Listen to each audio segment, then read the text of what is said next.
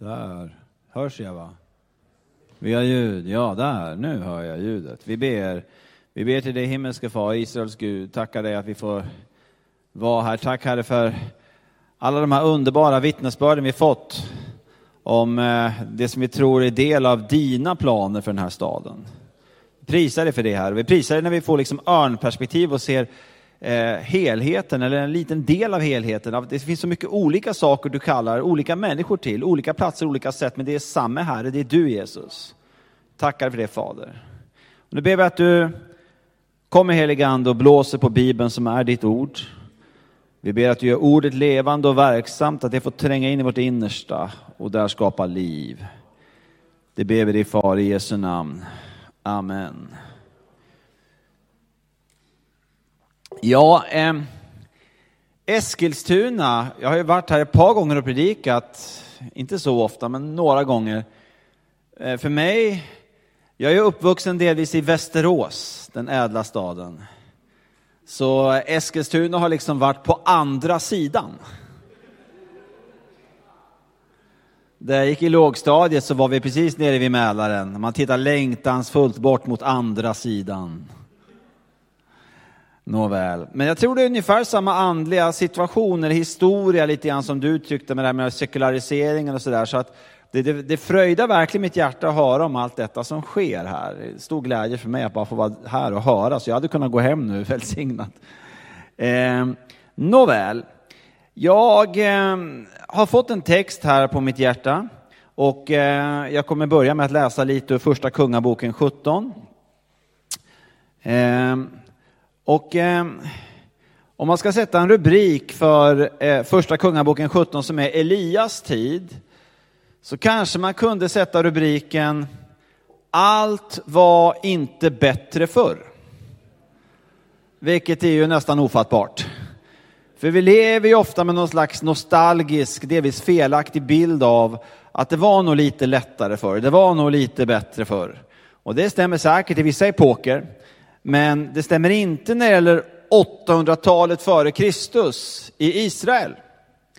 Då var situationen följande att en stor majoritet av Guds folk hade vänt Gud ryggen. Och därför hade landet delats.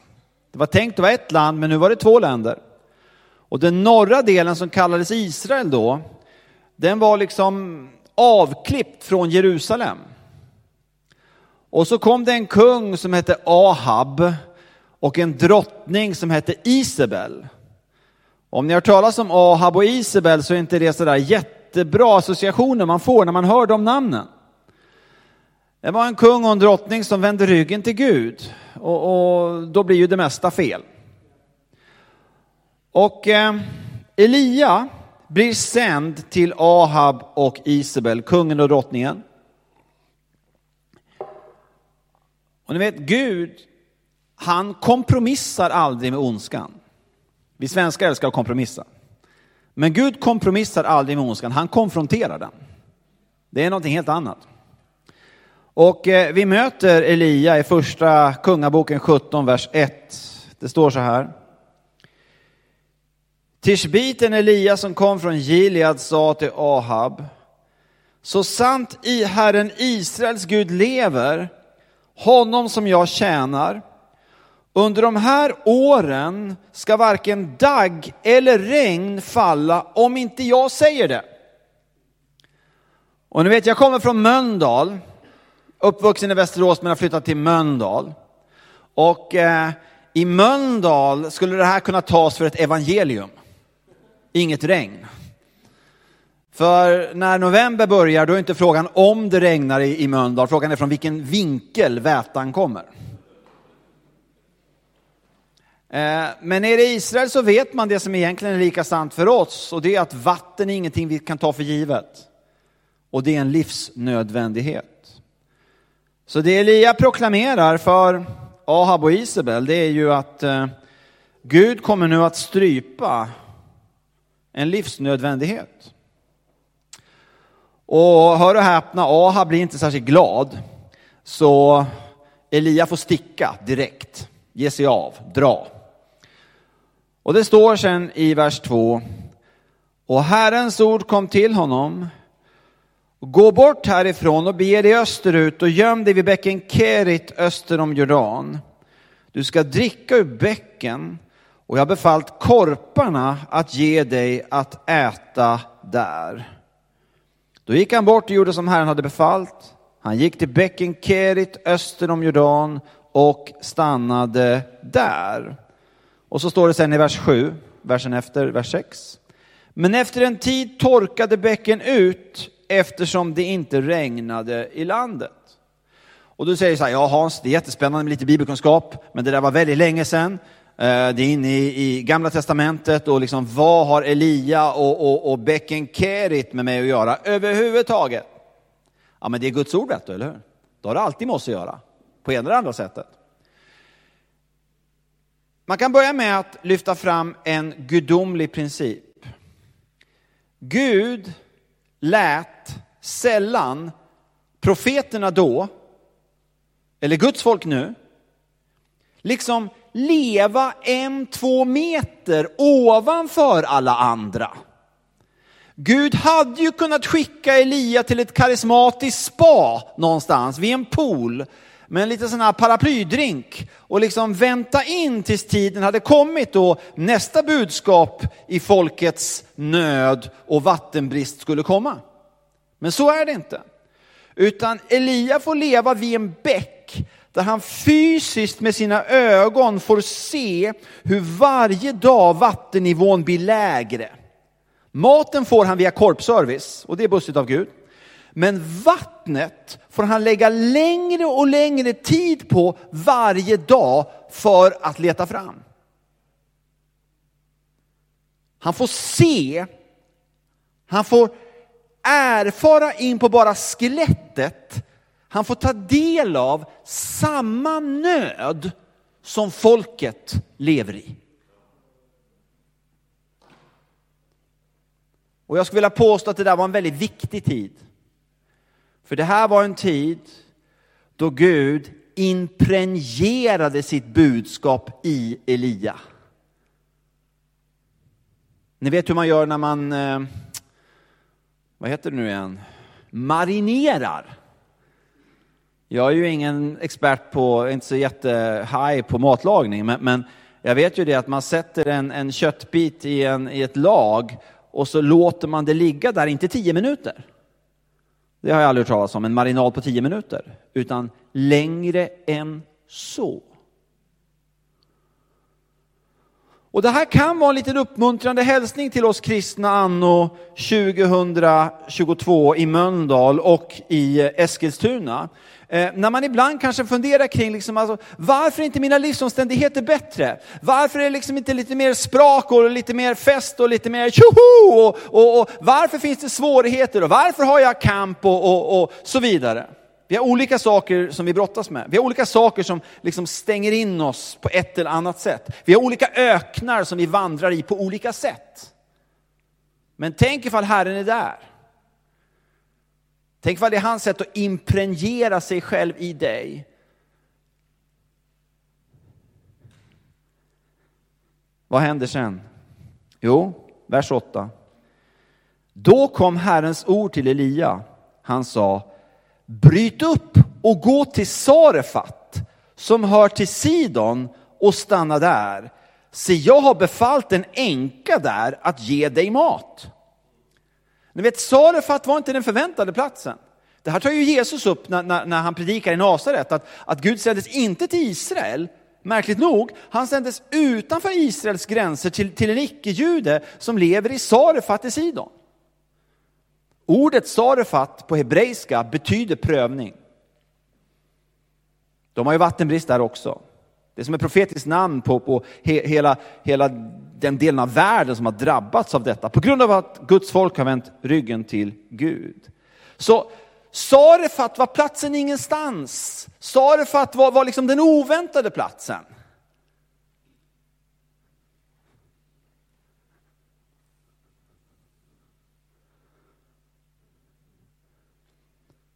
Då kom Herrens ord till Elia, han sa, bryt upp och gå till Eskilstuna. Eller hur? Han har en förkärlek till att välja den oväntade platsen. Och så fortsätter det. Se, jag har befallt en änka där att ge dig mat. Det låter ju fantastiskt. Eller hur? Jag menar ändå, det är någonting bra. Att Gud har befallt en änka att ge honom mat. Och, och, och, Jesus säger det också när han talar om henne i, i Nasaret, att Elia blev sänd till den här änkan, säger Jesus. Så det var ju helt korrekt från Guds perspektiv. Den enda lilla detaljen som är lite egendomlig, det är att den som inte har en aning om att det här är ett faktum, ett himmelskt faktum, och då är det ju verkligen verkligheten själv, det är änkan själv. Om någon hade sagt till henne just då, vet du vad, du är ett bönesvar till en gudsman och du kommer omnämnas av självaste Messias om 800 år, då hade hon sett det som ett mycket bisarrt skämt. Eller hur? För vad var hennes läge? Jo, men det möter vi bara ett par verser längre ner. Hon säger så här, vi tar andra halvan av vers 12. Jag håller just på att samla ihop ett par vedpinnar och ska nu gå hem och laga till det åt mig och min son. Vi ska äta det och sedan dö. Det låter väl muntert? Jag älskar att Bibeln är så realistisk. Bibeln sysslar inte med sugarcoating. Ett litet lätt lager av glättigt färgglatt socker som snabbt rinner av så fort det kommer en prövning. Nej, här talas det om verkligheten som den är, inte som den borde vara. Eh, och då tänker jag, kanske är det så att du är ett bönesvar. Ett avgörande, extremt viktigt bönesvar som kommer ha enorm konsekvens för Guds rike. Men kanske är det så att ditt liv, och som du tänker om dig själv, ni vet, vi är ju mästare på att diskvalificera oss själva, eller hur? Alltså inte, inte i Eskilstuna, men i Mölndal. Eller hur? Så, så i Mölndal kan, kan, och nu pratar jag om kristna i Mölndal, det här är chockartat, men jag känner dem rätt väl, för jag är en del av det. Va? Där, där kan man få höra massa bönesvar, massa fantastiska saker som Gud gör i Eskilstuna. Men i Mölndal finns det många som sitter ner i bänkarna och tänker, nej men jag är för stor syndare, jag har läst Bibeln för lite, jag har bett för lite, jag är för ofrimodig, eh, eh, så det gäller inte mig. Visst är Mölndal en märklig plats? Men då tänker jag att änkan, hon blev ett bönesvar, för det hade Gud bestämt. Det blir alltid som Gud vill. Tänk ifall Gud har bestämt, tänk ifall Gud har bestämt att du är ett bönesvar.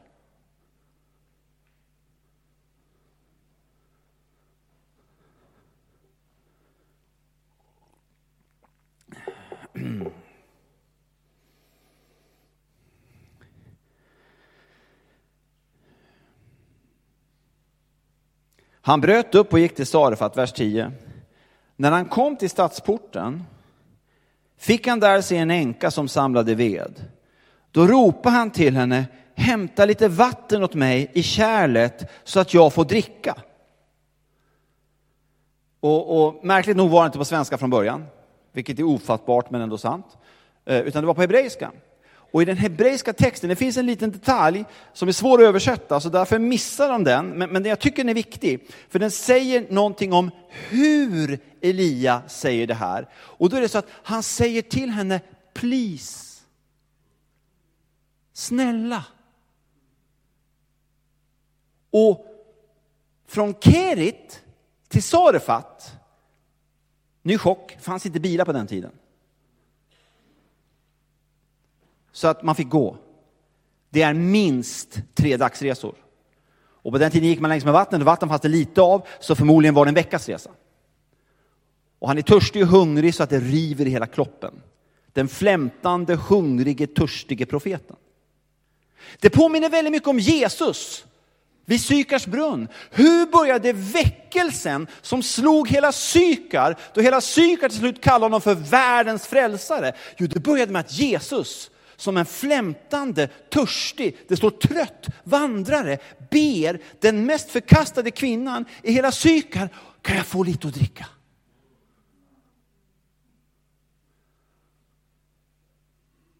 Ni vet, hade han ställt sig inför den kvinnan liksom, jag är Messias, här är jag, då hade hon ju flugit och, och flytt allt vad tygen höll. Så det man kan säga är att Gud är en mästare. Om vi vill vandra efter Jesus, om vi inte vill självdö framför tvn, som älskade Daniel sa, det är en underbar bild. Så ska du veta att, att det är okej okay att det finns svaghet och kamp i ditt liv och nöd. Självklart vill Herren hjälpa dig med allt det, absolut. Det är inte det jag säger att han inte vill. Men det måste inte vara fel för att det finns kamp och nöd och svaghet. Gud kan använda sig av just det för att liksom kalibrera in dig, för att ställa dig i rätt våglängd. Så att du precis exakt kan tala om Jesus, visa Jesus på den våglängd som en person förstår i någon av alla de här situationerna som ni just målade upp.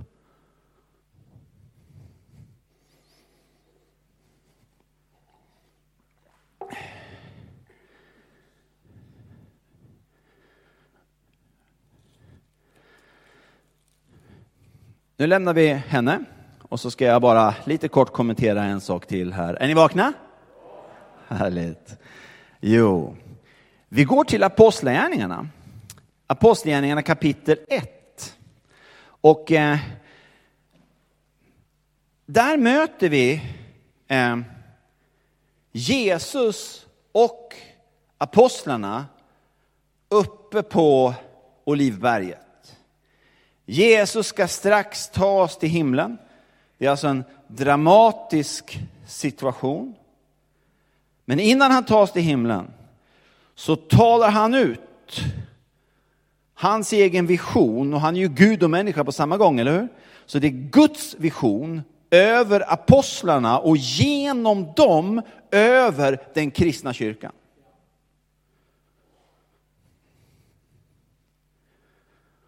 Och vad säger han? Jo, han säger i vers 8. Men när den helige ande kommer över er ska ni få kraft. Och ni vet, tillbaka till Mölndal. I Mölndal så är vi kristna mästare på att läsa Bibeln baklänges. Det, det, det, är när vi liksom läser det i vår gamla människa. Vi har både en gammal och en ny människa. Det nya är det enda som är kvar i himlen. Halleluja, vårt sanna jag, det som föds i oss när vi kommer till tro på vår far i Jesu Kristi namn, tar emot Jesus Kristus försoning, det han utverkar för oss på korset, betalar priset för all vår synd och vi har tagit emot hans förlåtelse. Är du tacksam för det? Eh, och då föds den nya människan i oss, som är det enda som är kvar i himlen, vårt sanna jag. halleluja. Men tyvärr så finns också den negativa sidan kvar av vårt ja. Den är korsfäst, döende, dödsdömd, men inte död. Så därför sa biskop Bo Giertz, jag vågar säga det bara för att han sa det, en kyrkoförste. Han sa det när han citerade Luther på Å stiftsgård. Så sa han en gång så här om den gamla människan, den negativa sidan av vårt ja. Det heter att den gamle Adam drunknade i dopet. Men det aset, han kan simma.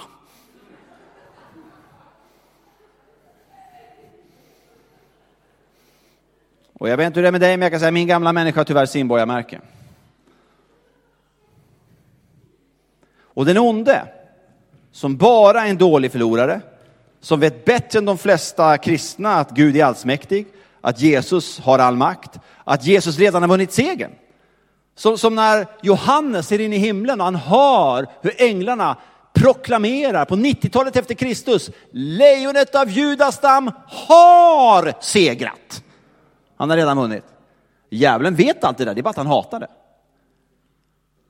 Och han försöker tala till vår gamla människa, den negativa sidan av vårt ja, och säga till dig, vad är det för skämt att du ska vara en någon som berättar om Jesus. Vad är det för skämt att du ska, ska gå ut till någon av de här förorterna och gå på en bönevandring där, där liksom Herren ska verka när du går på bönevandring. Vad är det för bisarrt skämt? Jag vet hur du är. Jag vet vad du tänkte för tre timmar sedan. Jag vet att du, och sen han har massvis av olika saker han kan peka på. Olika saker är olika i våra liv. Men han har synd att peka på hos oss alla. Men min vän, apostlarna, de visste att de stod på Olivberget, inte i kraft av sin egen rättfärdighet. Det stod inte Petrus rättfärdighet, han hade förnekat sin herre bara typ 40 dagar tidigare. Det hade dessutom alla andra gjort, för att det var inte bara Petrus, det är alltid han som var hundhuvudet. Men mig vetligen var det ingen annan apostel som stannade kvar och försvarade Jesus. Så de har alla förnekat Jesus. Så de vet att de vet att de vet att det står inte på deras pansare för att tala vapenrustningen. Det står inte på deras bröstpansar där de står inför Jesus, Petrus rättfärdighet, Thomas rättfärdighet. Det står inte Hans rättfärdighet, utan det står, då skulle inte jag våga stå här ett ögonblick, jag skulle ticka direkt. Utan här står det, och det är därför du kan gå ut i Eskilstuna frimodigt. Här står det Jesu Kristi rättfärdighet. Och nu då talar Jesus ut visionen. Han säger, men när den helige ande kommer över ska ni få kraft. Och läser vi Bibeln baklänges som vi inte ska, i vår gamla människa, då tänker vi så här, ja ah, just det, ja men typiskt, vi ska få kraft och jag är ju kraftlös, jag är ju svag, så det gäller ju inte mig, det gäller ju bara sådana här starka kristna. Men låt mig bara ställa frågan då, vem behöver mest kraft? Kuggfråga. Vem behöver kraft? Den som är svag eller den som är stark? Den starke behöver ju ingen kraft, den har, ju, den har ju styrka ändå. Så om du är svag vill jag säga grattis.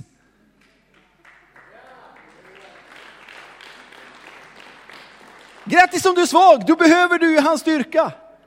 Varenda dag behöver du ropa desperat efter hans styrka. Eller hur? Och vad ska kraften vara till för? Vad ska nu den här kraften vara till för? Ja, ni vet, det var en kyrka en gång i England, och det var en väldigt fin mässa, för den var ledd av en biskop. Så det var väldigt fint. Inte bara en enkel simpel präst som jag, utan liksom biskop, ni vet. One click above. Och eh, den heliga ande är ju alltid med i varje gudstjänst, tror vi, vare sig det är en pingkyrka, eller Svenska kyrkan eller en annan kyrka. Men, men, men här kom den heliga ande in på ett lite annorlunda sätt. Ni vet, Gud är ju fri att komma lite som han vill. Eller vad säger vi? Det är han va? Ja. Så den helige ande kom in väldigt starkt med sin kraft mitt under mässan. Eh, och eh, folk reagerade lite olika. Men en del hamnade på golvet. På kyrkgolvet. Och väldigt många andra församlingar, eller några andra församlingar, blev väldigt stressade över att det var några på golvet. Det är ju sånt vi bryr oss om, eller hur? Och de låg kvar där länge. Så, så, när gudstjänsten var slut så låg det fortfarande kvar några i gången, liksom, slagna under Guds kraft som det verkar. De låg kvar på golvet. Och, och, några vänner av ordning gick fram till biskopen på väg ut och sa, men käre biskopen, alltså de där, de, de, de bara ligger där, vad, vad, ska vi göra? De, de, de bara är där, de, liksom, de bara ligger ju där, vad gör vi? De ligger där. Men biskopen, han var en andens man. Han var van, han var en veteran. Så han sa bara lugnt så här, tja, så. När jag leder gudstjänst, jag är inte så intresserad av om folk står upp och hoppar eller dansar eller faller på golvet eller för den delen sitter. kan man också göra. Och så pekade han på den som låg på golvet. Så sa han så här. Det enda jag bryr mig om, pekade han på dem, på tal om vad kraften ska vara till för. Det enda jag bryr mig om, sa han, pekade på dem. Hur är de när de ställer sig upp?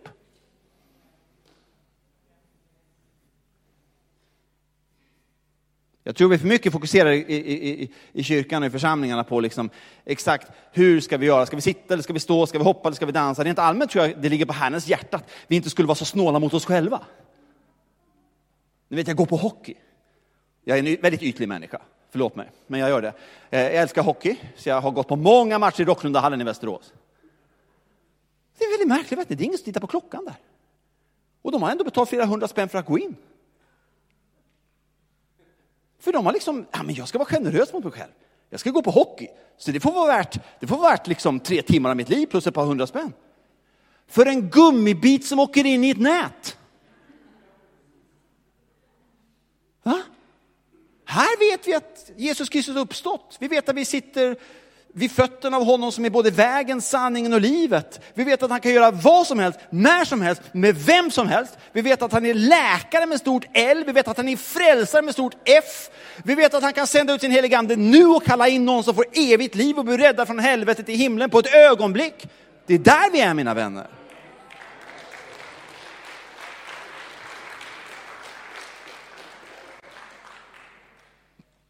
Inget av det här var planerat, men det blev så. Då ska vi se.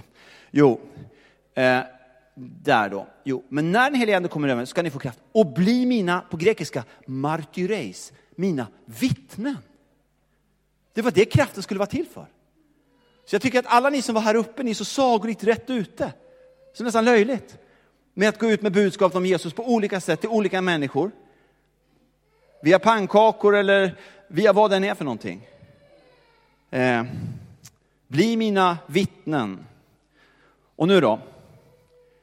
Det man kan säga här, det är att eh, det Jesus gör, precis innan han tas till himlen, är att han planterar en himmelsk vision. Man kan säga att en himmelsk vision, en kallelse från Herren själv, den är som ett glödande frö som Herren planterar i ditt hjärta. Och det kan verka litet. Det kan komma alldeles stilla under en eh, storbönesamling i, i Pingstkyrkan en onsdag kväll. Men om det är från Herren så börjar det brinna. Det börjar bränna. Det börjar värma. Det börjar växa. Och det där lilla börjar bli något större och större och större. Och det är därför det står om apostlarna att de sprang därifrån glada. Och det är därför det står om apostlarna att de började be. Och nu bad de inte själva. Jag älskar det här ni säger om bönevandringar. Helt ljuvligt.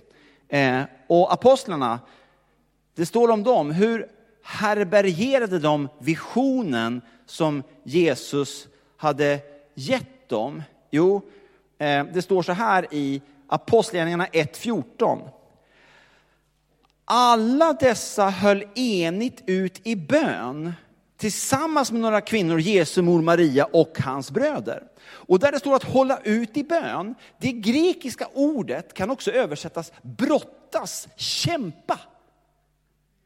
De kämpade i bön, de brottades i bön. Har ni hört talas om Azusa Street? 1906. Tusen dagar av Guds närvaro. Vi lever på ett sätt i, efterdyningarna av den vågen fortfarande. Tack gode Gud att han sänder olika förnyelser och vågor över, över Kristi kropp. Eh, och då berättas det att typ några månader innan så höll de som bar visionen, de höll på att ge upp.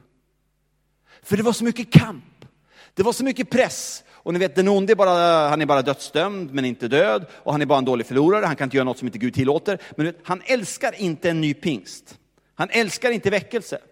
Så, så, man kan ju tänka sig att han var påtryckt åt andra hållet. Det gör han liksom när det kommer att hända någonting för Guds rike. får man vara beredd på att det blir lite, ni vet, det blir lite fighting av, men Jesus har vunnit segern, halleluja. Så de höll på att ge upp. De höll på att ge upp. Men så kände de till att det fanns en kvinna i sydöstra USA. Och den kvinnan var en gudskvinna. Och ni vet, man har olika nådegåvor. Hon, sa de, hon har gåvan to pray through. Hon har gåvan att i Jesu namn be igenom. Så de kallade på den här kvinnan. Och hon ställde sig längst fram och så bara fortsatte de be, fortsatte de be fortsatte de be. De gav sig inte, de bar visionen och så föll den heliga ande och det kom en ny pingst. Och ni vet, ganska läckert, det finns ju så många, ni kan ju det bättre än jag, såklart, men, men jag har också hört lite vittnesbörd från Azusa Street. Eh, hur många som helst finns det ju. Eh, för att inte tala om alla eh, som sändes ut till olika länder och bar med sig Kristi kyrka på ett fantastiskt sätt. Och all väckelse som bröt ut runt om i världen, fortfarande gör.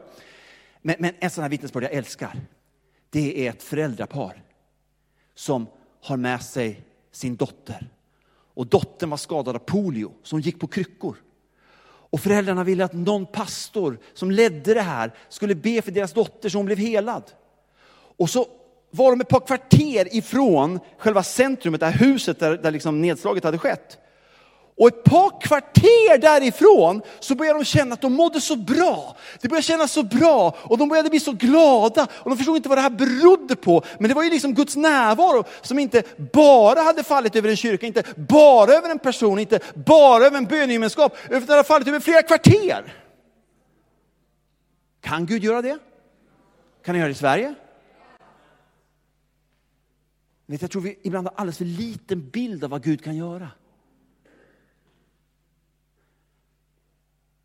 Ja, så det var ju fantastiskt att de kände sig så bra. Tillbaka till föräldraparet med, med kvinnan som var pol, eh, dottern som var polioskadad och gick på kryckor. När de började komma fram, och de mådde jättebra nu, liksom. de hade gått ett par kvarter, de mådde ju bättre och bättre. Och så såg de det här huset då, eh, eh och de blev bekymrade igen, fast de var glada, för att det var så mycket folk runt huset. Vi kommer aldrig komma, komma in till pastorerna och ledarna här, för att liksom, det, det är ju för mycket folk i vägen. Problem i kyrkan ibland. Men då tittade de tillbaka på sin dotter, och då såg de, vänta nu, hon var redan helad. Hon hade släppt kryckorna två kvarter längre bort.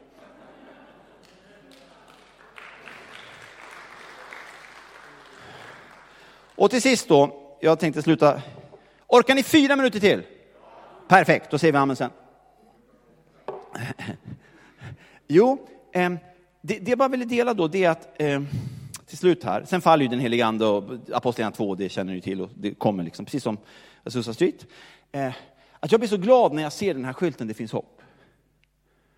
Eh, jag var hemma hos Sebastian i onsdags, alltså en vecka sedan. Och eh, Gud har använt honom på olika sätt. Han behöver Jesu förlåtelse desperat varje dag. Han är absolut inte perfekt, men det är inte jag heller, så därför går det jättebra för mig att ha honom som nära vän, eh, eftersom jag också behöver desperat Jesu förlåtelse varje dag. Men jag måste säga att en del av de saker som Gud har gjort genom hans liv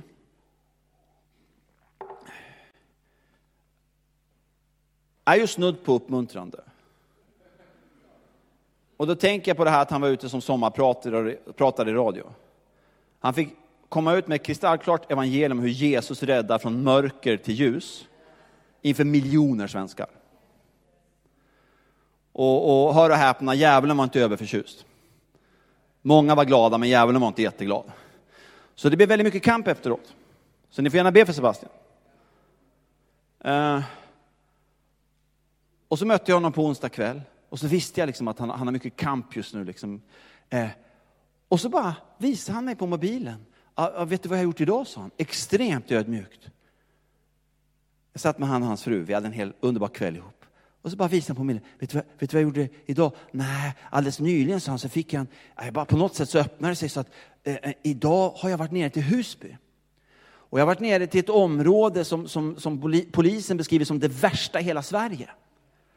Och där har jag varit inne, jag var inne nu här, innan du kom hem, så, så var jag precis, kom hem precis. Jag var där och, och, och, och så visade han en liksom video med typ ett ja, 20-tal, eh, men, men en del hade mask för ansiktet och, och han sa det här är verkligen ett, ett, ett tufft, riktigt tufft gäng med stort T. Eh, och för dem hade han fått dela evangeliet.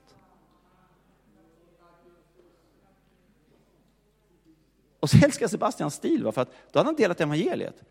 Och så bjöd han in till att ta emot Jesus. Och de hade ju kanske aldrig varit på kristna möten. De visste liksom inte, vi har ju haft folk när vi har haft tältmötena, som när vi bjuder in dem så går de rakt upp på scen. De står liksom där lovsångsteamet är, för de har aldrig varit på ett möte, de vet inte hur man gör. Det är ganska befriande på ett sätt.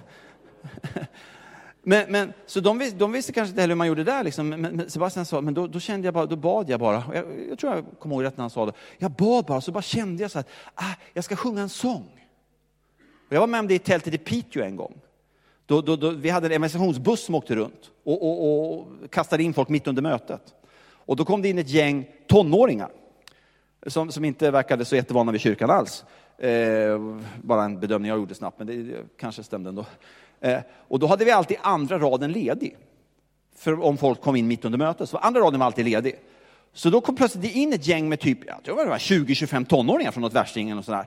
Eh, eh, och när Sebbe såg dem, han var ju mitt uppe i predikan. Och då bara fick han till sig, eh, som jag tror från den helige ande, att han skulle rappa. Eh, han kom på en helt ny rap. Jag vet inte om han säger rapsång, rap, ja, jag, jag kan inte riktigt, jag är inte så bra på det. Men, men i vilket fall, han, han började rappa om Jesus. Och, och sen gick de flesta av dem fram och tog emot Jesus. Och samma sak gjorde han nu, för en vecka sedan i Husby. Om det var rap eller sång vet jag inte riktigt. Jag tror han sa sång till mig, men jag vet inte om det var vad jag kallar för sång. Eller, ja, vad det.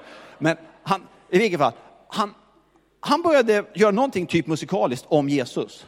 Och när han hade gjort det, då kom de fram och tog emot Jesus. Och det vi fick när vi bad vid hans köksbord för en vecka sedan, det var att om det är möjligt där, bland de värsta av de värsta, då är det möjligt överallt.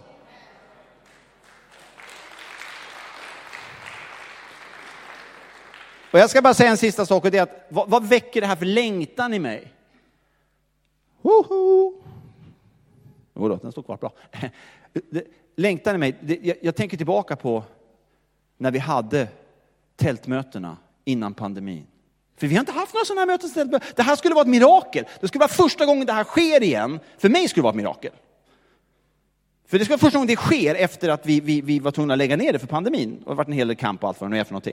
Eh, men jag kommer aldrig glömma, ni vet, vi var ju i Sävsjö första gången. Sävsjö är ingen stor plats. Och det var väldigt mycket kamp innan. Dagarna innan var det otroligt mycket kamp. Och jag var väldigt deprimerad, jag är väldigt bra på att bli deppig. Så jag satt och kände mig djupt deppig eh, en halvtimme innan vi skulle börja första mötet. Och kände, vad gör vi? Vi är galna, vi är idioter. Alltså Sävsjö, man har inte ett tältmöte i Sävsjö. Och så tittar jag runt, ja det kan man ju ha, liksom, men inte ett sånt här stort tält. Och så tittar jag runt i tältet och ni vet, det var 4 000 platser i tältet. Jag tänkte, hur kan man vara så dum som man har ett möte i en ort där inte ens bor 4 000 med ett tält som har 4 000 platser? Så jag ville liksom springa till alla andra och bara säga, kom igen nu, vi har liksom gjort bort oss. Och, och alla var under kamp på lite olika. Vi hade bett massvis på vägen, men det, där orkade vi knappt be, för vi var, vi var under sånt tryck. Va? Sen när mötet skulle börja klockan sju, så kunde vi inte börja mötet. För att vägarna, typ någon kilometer bort, var totalt fullkloggade. Det var trafikstockning. Så vi fick börja mötet en kvart för sent för att alla människor skulle komma in. Och när mötet började så var typ tältet fullt. Och redan första kvällen så kom det fram hundratals som överlämnade sig till Jesus. Så när jag ser det där, det väcker längtan i mig. Amen.